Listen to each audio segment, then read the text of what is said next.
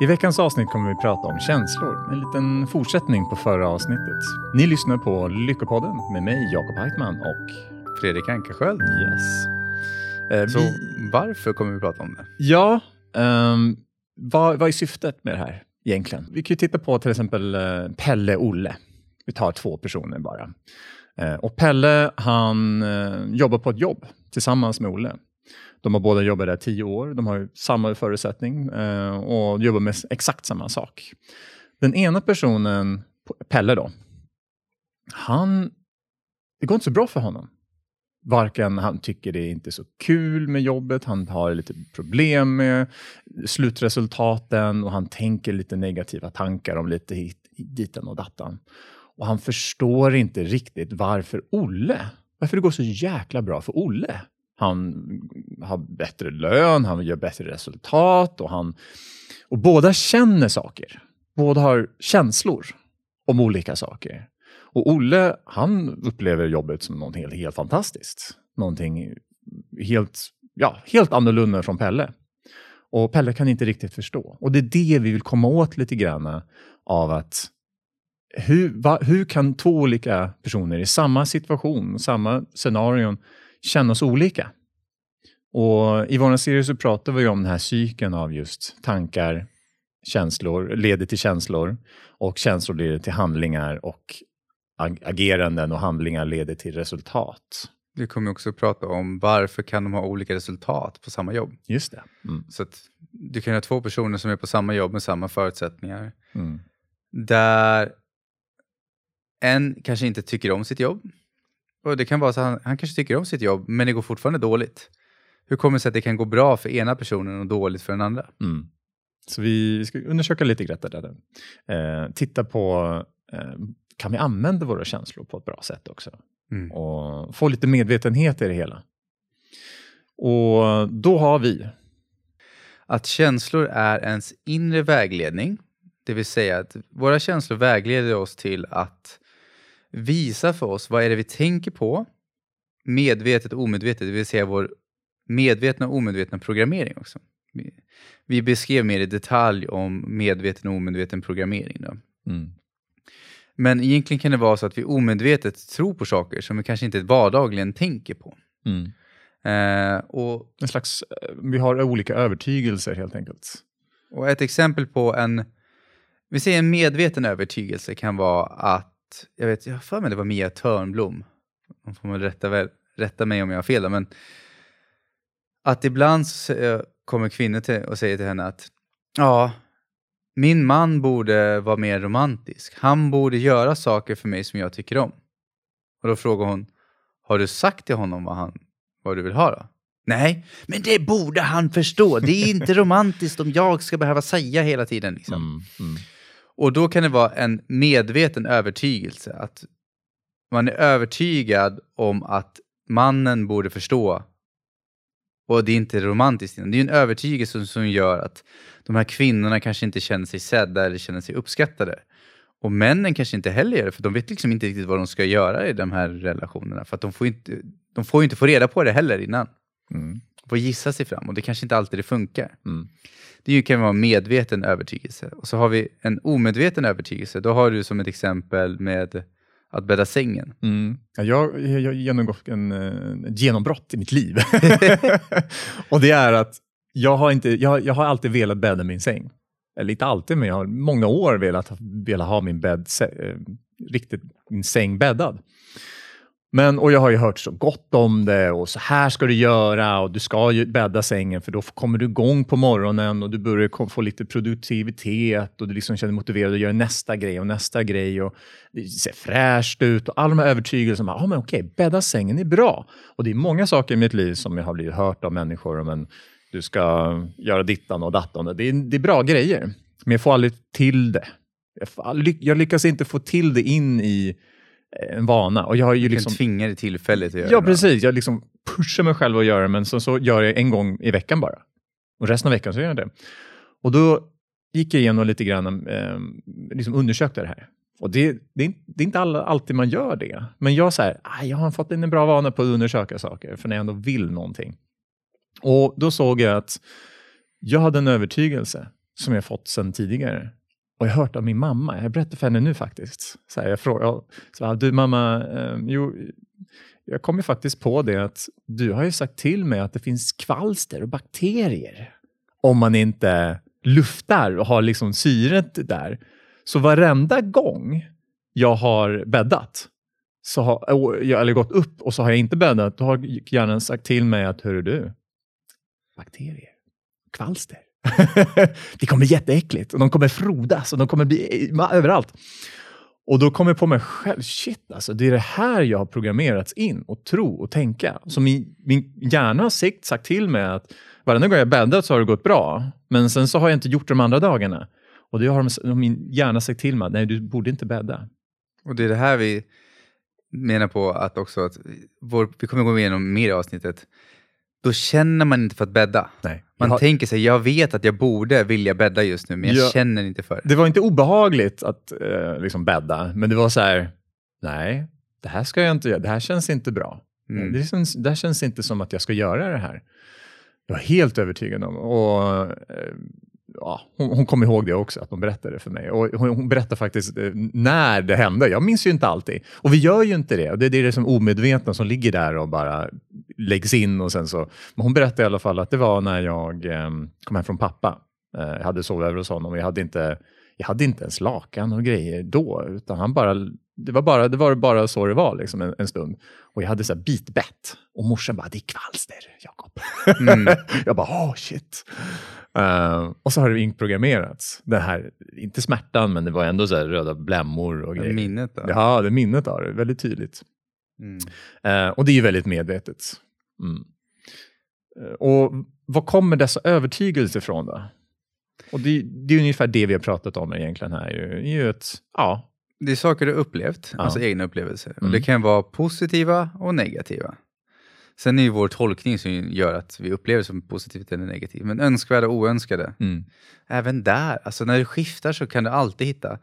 Det går alltid att se ur en synvinkel som ger en energi. Det vill säga att okej, okay, det här har hänt. Vill jag titta på det på ett sätt som ger mig energi eller tar min energi? Mm. Om man inte, liksom, speciellt i efterhand när du inte kan förändra någonting. Uh, och, så har vi ju, precis, vi har upplevelser, vi har hört och vi har sett. Mm, och vi... hört saker är ju som din mamma. Mm. Som berättade. Ja. Det var ju en blandning av, det kan, de kan ju flyta ihop ibland. Ja. Liksom. Mm. Känslan av det och att hon säger någonting. Då kommer vi komma in också på sett kan ju vara att du har sett någon annan. Eller du har sett i tidningen. Mm. kan också vara. Du har mm. sett på TV. Och det kan ju vara en påhittad historia. Jag vet Henrik Fexeus gjorde någon trick när han bara, ah, hur gjorde jag det här? Liksom. Och sen i efterhand avslöjade han att det, det var ren bullshit. Han, ville, han gjorde det sista testet i något experiment bara för att få en att säga att det här var ju ihopklippt i efterhand. Mm. Det var inte sant. Nej. Jag ville visa det för att se, bara, bara för att du ser det på tv så behöver det liksom inte betyda att ja, det är det, det, kan ju vara att man ser en, en påhittad superhjälte göra saker. Mm. Mm. Oh. Och sen så inkorporerar man det i sitt liv. Till exempel, ja, men hur tänker Spindelmannen när han går in på kaféet? Mm. Och sen så, eh, och så, hur, och så vågar man inte riktigt prata, men hur skulle Spindelmannen göra när man har liksom superkrafter? Ja, han skulle gå fram och vara gott självförtroende och gå fram. Så det, man kan ta de här bitarna och så inprogrammeras det. Mm. Jag kommer ihåg att jag var rädd för att ha bra ekonomi, delvis på grund av att jag hade kollat så mycket på CSI New York en gång i tiden. Ja. Just du berättade det förra gången. Ja. Uh, nej, men det, och jag bara så här, varför är jag så rädd för det? Och sen så bara, men vad tror jag att folk som har bra ekonomi har? De, bara, de, de blir kidnappade, de blir mördade, de blir liksom, jag bara, fan, mm. det låter ju liksom, mm. har jag någonsin träffat någon som har liksom varit med om något? Nej. Mm. Och då var nästa fråga, den här frågan i formuläret, så här, men var kommer det här ifrån? Jag bara, det var CSI New York. Det, jag bara, omedvetet hade, hade det gått in. Jo, och så vill jag ju bara avsluta och säga det att jag, nu känns det jättebra att gå upp och bara wow, nu kan jag bädda sängen. Och jag skakar täcket och jag slår på kudden och det känns jäkligt bra. Och nu är det så jäkla fint i sovrummet. Äntligen.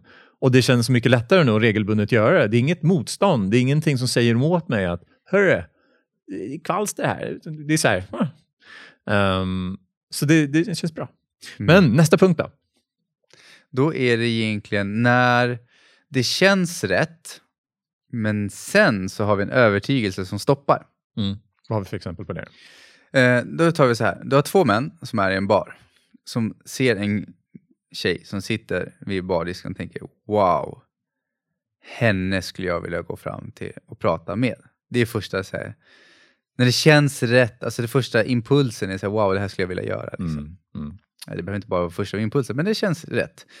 Men sen så börjar den lilla rösten att säga, så, så här, man ett, han, hans inre röst säger så här, tänk på alla gånger du har misslyckats förut. Det är ingen idé, varför ska du försöka? Det, varför det finns väl ingenting, varför skulle hon tycka om dig? Mm.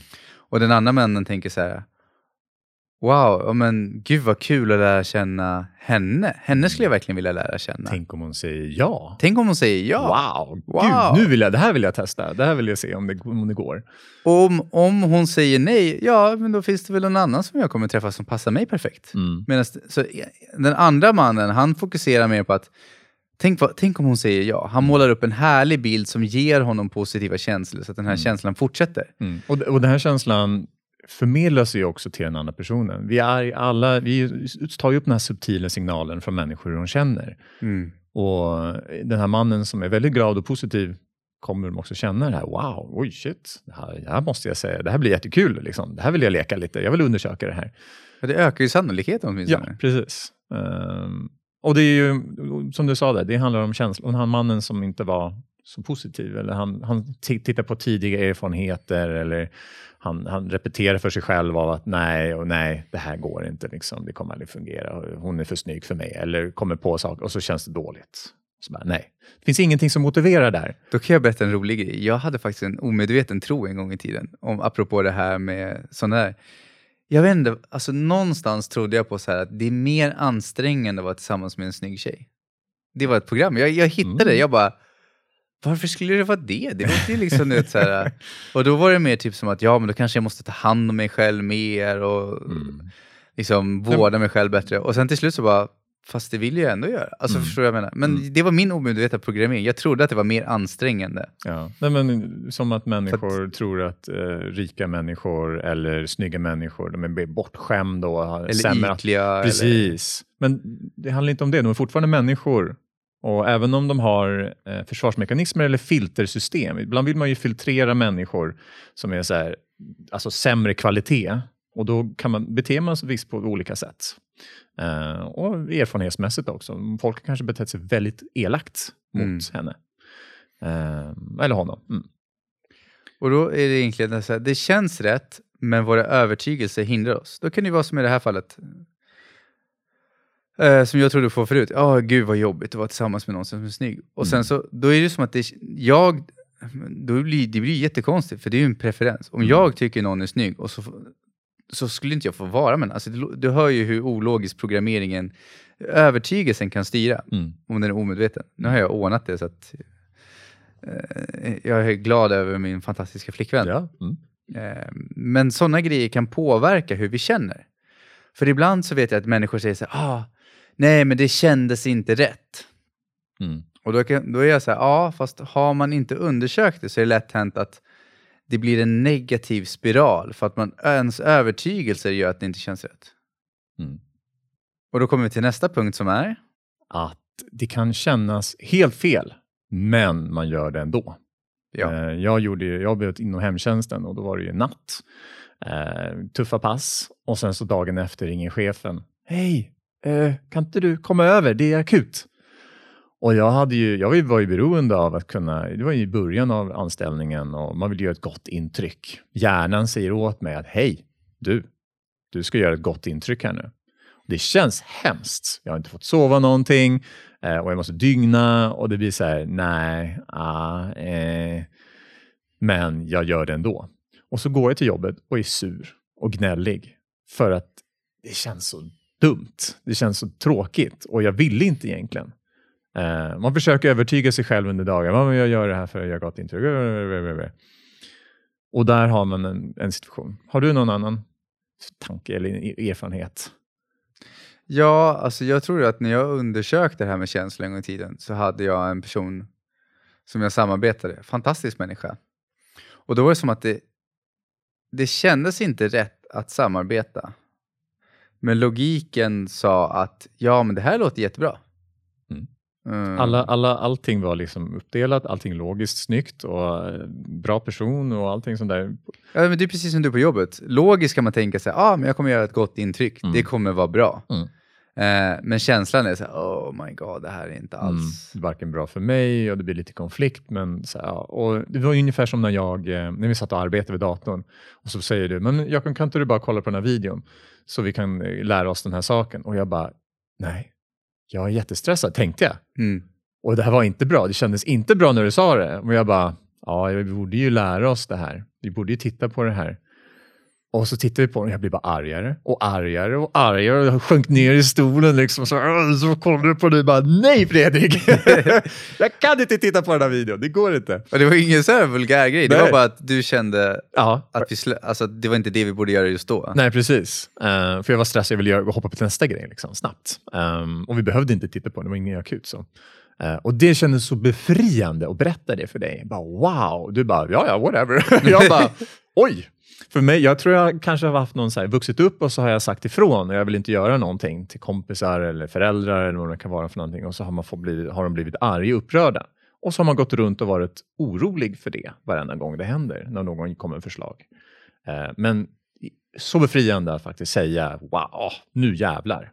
Mm. Eh, så det var, ja, det är, ett bra exempel tycker jag på hur man, hur man kan ta sig ur den lilla situationen. Ja, ibland genom att bara säga det. Ja, För det kan vara att man har målat upp en bild att de andra kommer bli besvikna och så sitter den andra personen, ah, som jag i det här fallet, så bara, fast det, det är en video. Mm. Liksom, det är, nej exakt. Och med jobbet till exempel, ja, man får överväga. Man får göra en övervägning. Okej, vill jag i början här göra gott intryck eller vill jag faktiskt stå på mig mm. och säga att var står jag någonstans?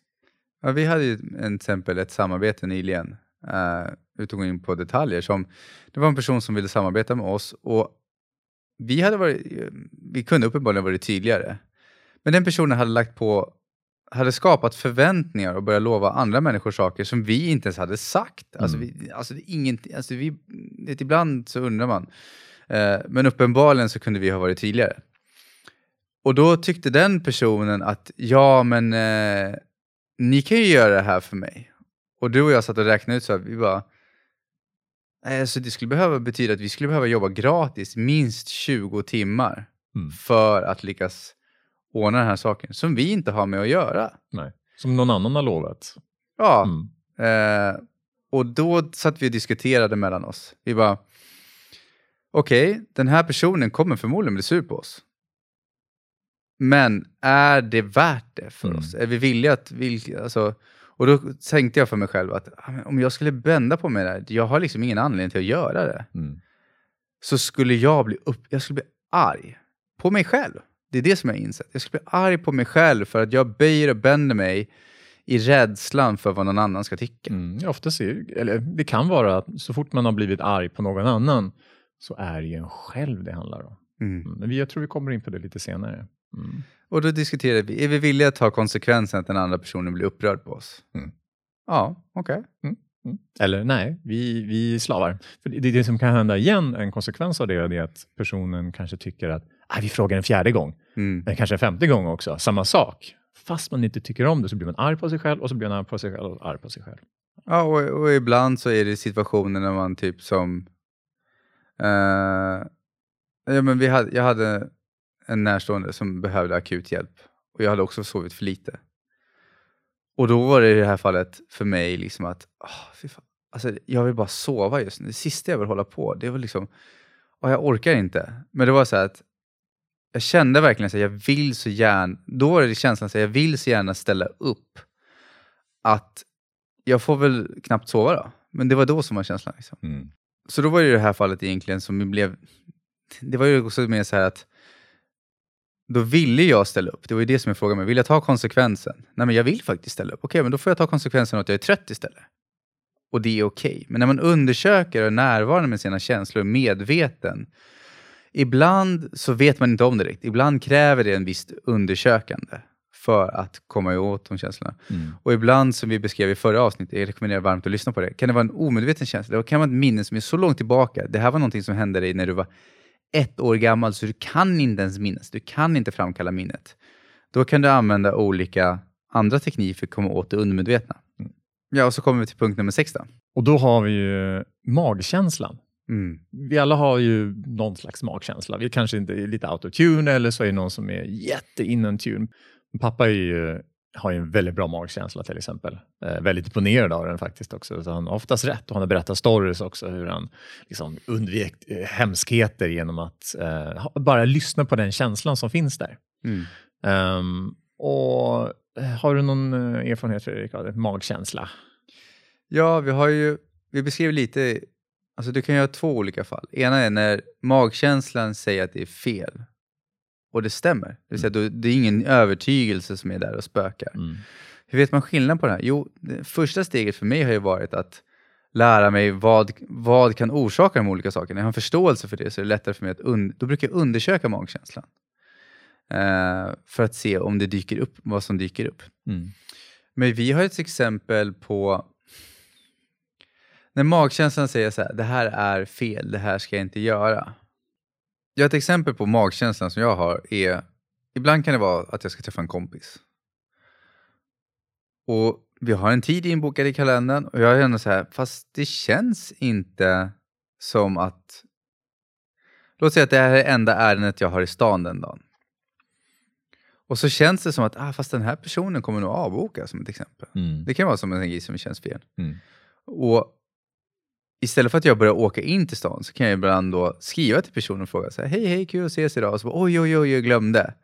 Då kan det vara en känsla att jag har känt av, alltså sen så, det, fin- det är väl sannolikhetslära, det kan, finns något djup än så.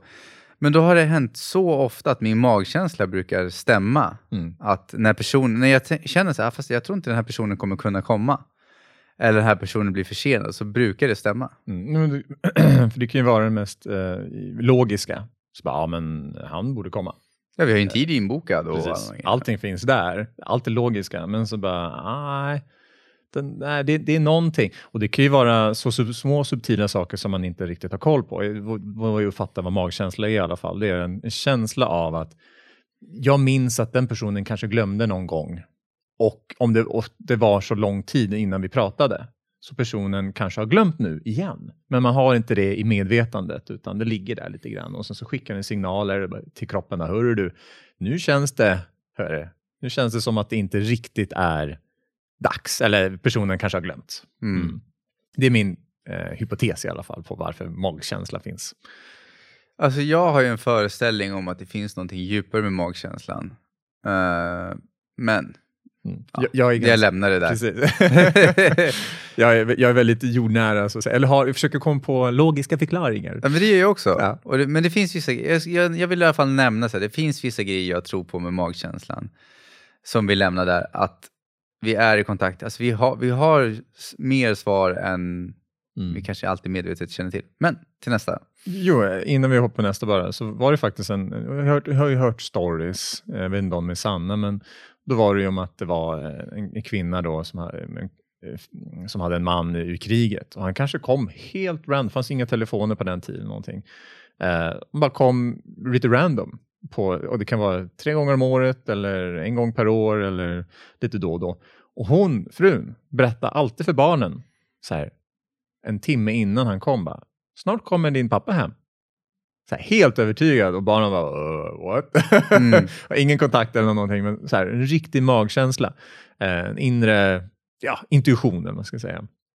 Så jag har också hört lite sådana stories. Jag Ja, men jag kommer på flera. då. Det är... Fasken. Ja, sak samma vem det var.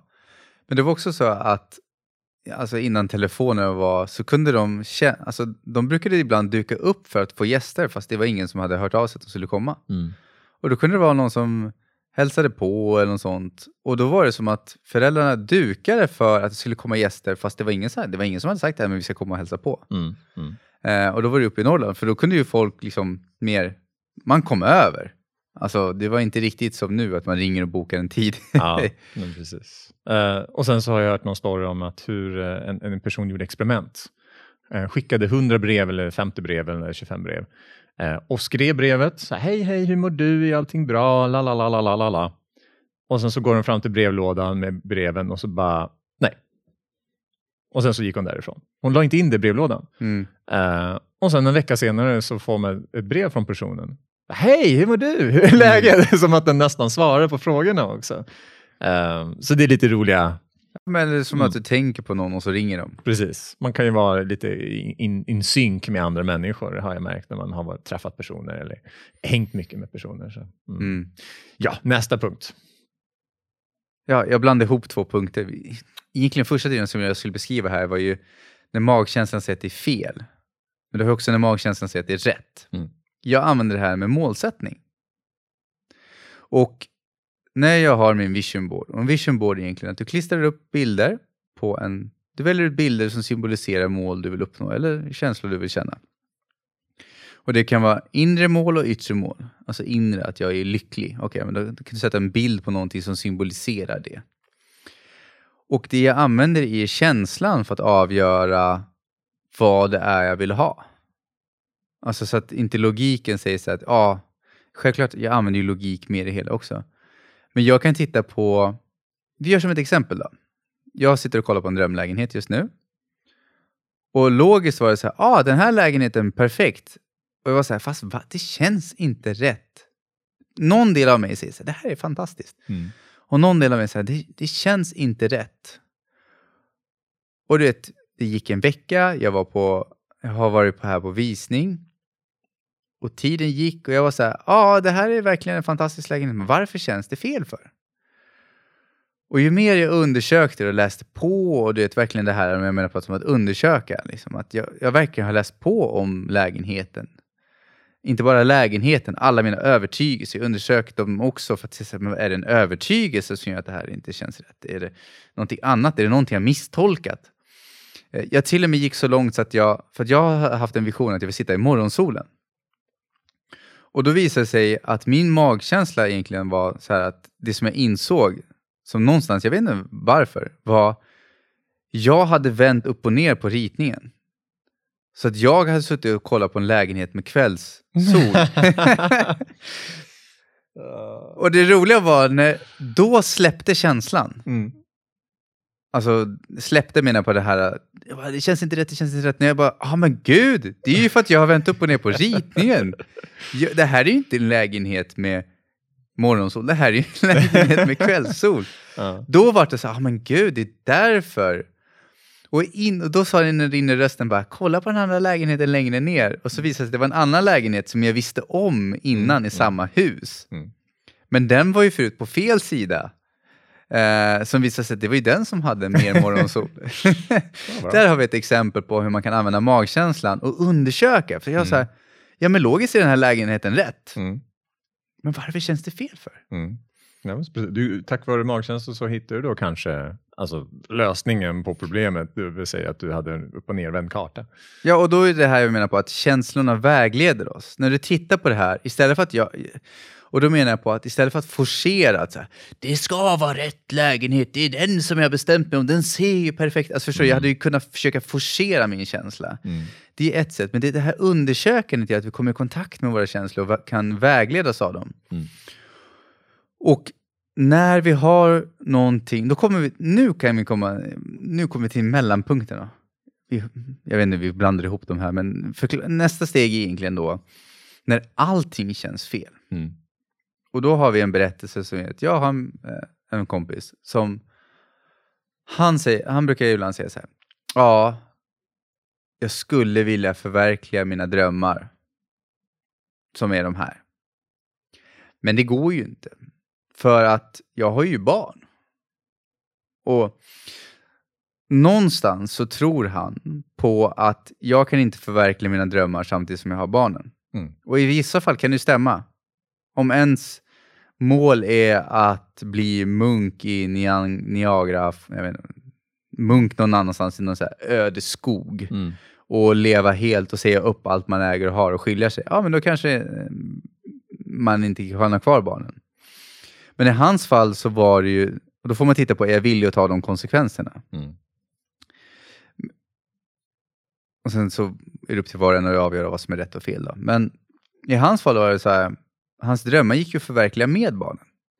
Men eftersom hans övertygelser var, jag kan inte förverkliga min dröm utan att uppoffra barnen. Och det ville han ju inte göra. Han älskar ju sina barn. Han vill ju umgås med dem, han vill ju vara med dem. Mm. Och då kan det bli så här, vad jag än väljer, för då blir ju allting fel. Det blir ju en konflikt. Och då är det en inre konflikt. Mm. Han vill åt det ena hållet, men den andra stoppar den från det ena eller andra hållet. Ja, för han vill åt båda hållen. Mm. Men han tror att de strider mot varandra. Mm. Och en lösning skulle kunna vara det enkla, hypotetiska fallet, är att han faktiskt tar med barnen på semester Mm. till de länderna som en vara till. Eller... Men Hans dröm var ju att resa med. Liksom. Ja, precis. Ett, annat, ett annat exempel på inre konflikt kan vara förut att jag en gång i tiden när jag hade dålig ekonomi drömde om att må bra och ha bra ekonomi och ha liksom goda vänner och roligt liv. Men jag trodde på att jag behövde vara säljare för ett företag.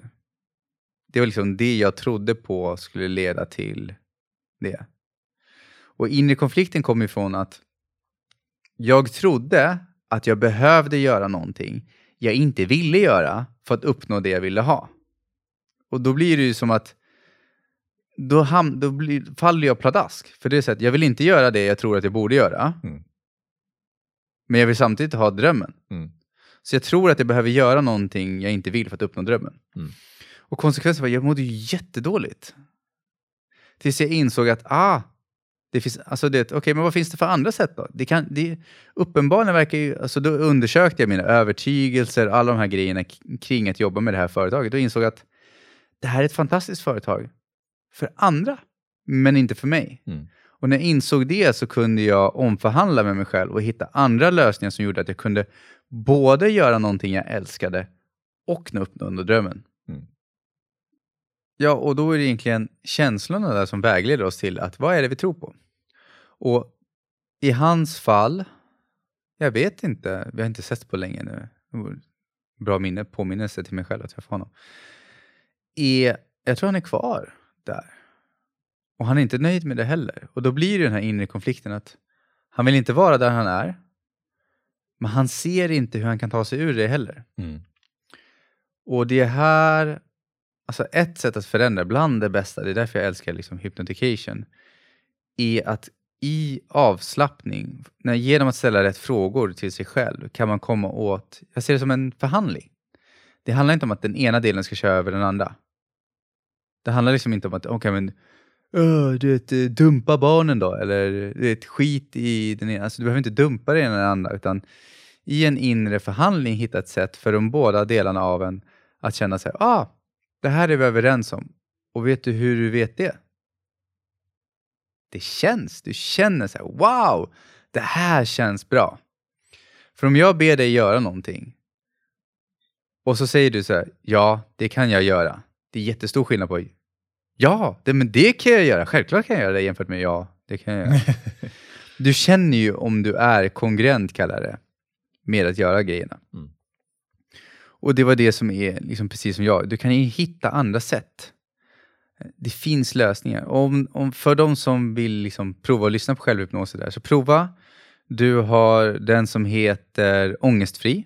Den är framförallt liksom att du kan ju få, i en inre konflikt kan du ju få ångest. För det, är så här, det spelar ingen roll vad jag, vad jag än ska välja här så blir det bara Mm. och jag mår inte bra. Eller kom loss och gå vidare. Den är till för liksom, att hjälpa en att släppa taget om det som har varit och komma vidare. Mm. För det kan vara en gammal övertygelse om att saker som har hänt, typ att man är rädd för att, ja men tänk om folk skulle få reda på min historia.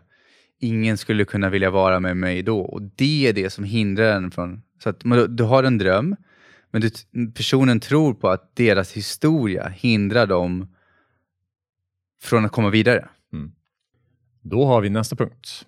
Eh, sur på partner. Mm. Vad betyder det? Sur på sin partner, det är ju, kan ju vara en känsla. Jag känner mig sur på den här personen. Och en kul grej som jag tänker på är just det här att projektioner är egentligen när vi tror att det är andras beteenden som gör oss sura. När vi tror att det är någon annan som gör oss sur. Och då var det en kvinna som var i matbutiken. Det här är en video med Byron Katie, jag kommer inte ihåg vad den heter däremot. Um, jag kan länka till den beskrivningen, det är ganska lätt för mig att hitta den sen. Men där hon beskriver att hon var i matbutiken och ska ta ett paket gröt. Och hennes man säger så här, har vi gröt hemma? Men han säger det liksom kanske inte med den gladaste tonen. Och då hon blir upprörd och så, hur kan han säga sådana saker till mig och liksom Kritisera mig för att jag tar... han kritiserar mig liksom. Ja. Och jag tror titeln är så här, My husband criticizes me och sånt. Mm.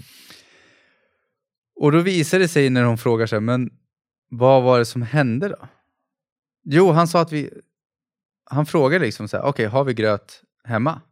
Jag tror vi har gröt hemma. Mm. Och då var det liksom, om du tänk, tittar bort, tänker bort tonen och tittar på vad var det han faktiskt sa, så var det så här, vi har en gröt hemma. Då är det så här, fast det, Det har vi. det fanns det hade vi kanske. Ja. Jag, tror han sa faktiskt att vi har gröt hemma, så du behöver inte ta det. Eh, Men i en annan ton då, som hon upplevde som, uh, det här var, hon, han kritiserar mig för att jag tar gröt och att jag tog det här nu. Och när de började undersöka saken djupare och diskutera så här, men vad triggas inom dig? När han sa det där, vad triggas inom dig? Och då var det ju barndomsminnen hos henne. Mm. Så då var det ju inte vad han sa, det var att han triggade obearbetade minnen för det förflutna där hon var väldigt självkritisk. Mm. Så han triggade självkritiken inom henne själv, som hon själv inte hade processat. Mm. Men när man kan titta på så här att okej, han kritiserade mig, men varför triggades jag av det? Om någon säger så här, jag tycker inte du är snygg. Nej men, alltså förstår du? Men jag säger, ja ja. Mm. Vissa kan bli bara, Va, vad menar du? Oh, shit. Och, speciellt om man är ganska ung och är lite osäker på sig själv och utvecklas och så. Eh, så kan man ju reagera ganska starkt. Men sen någon som vet att den är så här, jag är jävligt bra personlighetsmässigt, utseendemässigt, jag tar hand om mig själv och så kommer någon liten fjant bara, haha, du är ful. Det börjar Ja. så här, "Mm, so what? Men någon sån annan kan bli så här, Åh, mitt hjärta, jag mår inte bra av det här. Åh, hur kan de säga sådana saker? Det där är taskigt. Alltså, så kan jag hålla med man kanske inte ska säga sådana saker. Men jag vet ibland så triggas människor av saker som jag också bara, fast det där var inte så... Nej, nej men precis som det exemplet med Pelle och Olle där precis i början. Varför upplever den andra personen annorlunda Mm. eh, på olika saker? För att de tänker lite annorlunda och det leder till olika känslor och övertygelser då eh, med våra tankar. Ehm, ja, Och för Pelle, vi, vi av, avrundar lite med det här också. Att, ja, för då har vi som i det här fallet att Pelle dömer andra. mm. Ja, men det gör vi som ett exempel i det här scenariot då. Att Pelle lägger sin tid på att döma och kritisera andra kollegor. Och omedvetet kan det bli så här då. Om vi dömer andra så kan det vara flera anledningar. Det kan vara att vi har en övertygelse att jag klarar inte det här eller jag är inte värd det. Eller man har en rädsla av att om det går bra, då kommer jag få mer ansvar än jag klarar av. Det kan vara rädsla. Alltså, det kan vara rädslan för att misslyckas, rädslan för att lyckas. Mm. Eller andra, det finns flera saker. Då. Och Pelle spenderar sin tid på att kritisera andra. Och vi har en del av oss själva är så här, om jag sitter och säger kolla vad dålig de är, kolla vad dålig de är, kolla vad dålig de är. Och någon del av dig vill bli så. Men din, ditt inre, ditt undermedvetna kommer skydda dig från att lyckas. För då kommer, någonstans tror du så här att jag behöver bli som dem och det vill jag inte. Så Pelle stoppar sig själv genom att han spenderar sin tid på att döma andra på kontoret. Mm. Medan Olle, han är mer så här, wow, vad kul att det går bra för de andra. Såg du att Pernilla fick en löneförhöjning? Mm. Det ska jag också ha. Hur kan jag snabbt göra mig, eh, bli bättre på jobbet? Liksom? Ja, nej, men som eh, när vi satt på eh, eh Espresso House och så såg vi en eh, bil. Och så tänkte vi så här, så sa du så här, åh, vad bra det går för honom. Och, det, och min gamla programmering har ju varit faktiskt att så här, jaha, han har väl eh, fått den där bilen av sin pappa eller någonting. eller att eh, ja, men det där har han inte jobbat hårt för eller att han är bortskämd eller vilken dålig person han måste vara eller Mm. han måste ha kört över tio personer för att få den där bilen eller 20. Han har säkert utnyttjat någon annan. Ja, precis. Och massa sådana tankar. Och istället så finns det ju, då hade hade du en helt annan känsla av att wow, det där, tänk vilken eh, driftig kille. Och vi pratade ju faktiskt med en, en snubbe som hade på eh, ett event. Och hade vi Mm. frågade om hur har du skaffat den här bilen? Ja, jag har jobbat. Mm. Jag har jobbat och jobbat och jobbat. Och jag har verkligen lagt ner min själ till att liksom, wow, det här vill jag ha. Ehm, och då fick man faktiskt svar på tal att och en stor del procent av, som skaffar snygga bilar, de har jobbat hårt. Ja. Och vissa, vissa har jobbat Alltså, vad ska jag säga? Det är alltid jobb bakom, sen är definitionen vad hårt det är. Ja. Eh, men för mig så vet jag också att det som är hårt för en person kan vara lätt för en annan. I förra avsnittet sa vi att vi skulle prata om eh, ageranden, vad känslor leder till ageranden. Eh, men vi kände att vi, vi behövde beta av det här med känslor ordentligt. Det finns så mycket intressant och vi skulle kunna fortsätta prata om det här. Men okej, det här avsnittet får räcka. Ja. Ehm, så vi, eh, nästa avsnitt då, så ska vi se till att vi pratar om ageranden. Yes. Eh, och Är det så att du vill ta del av det så gilla oss på Facebook, följ oss på YouTube, vi finns även på Spotify, Acast, eh, iTunes. mm, Skriv gärna en recension också. Vi finns även på eh, Patreon och patreon.com slash lyckopodden.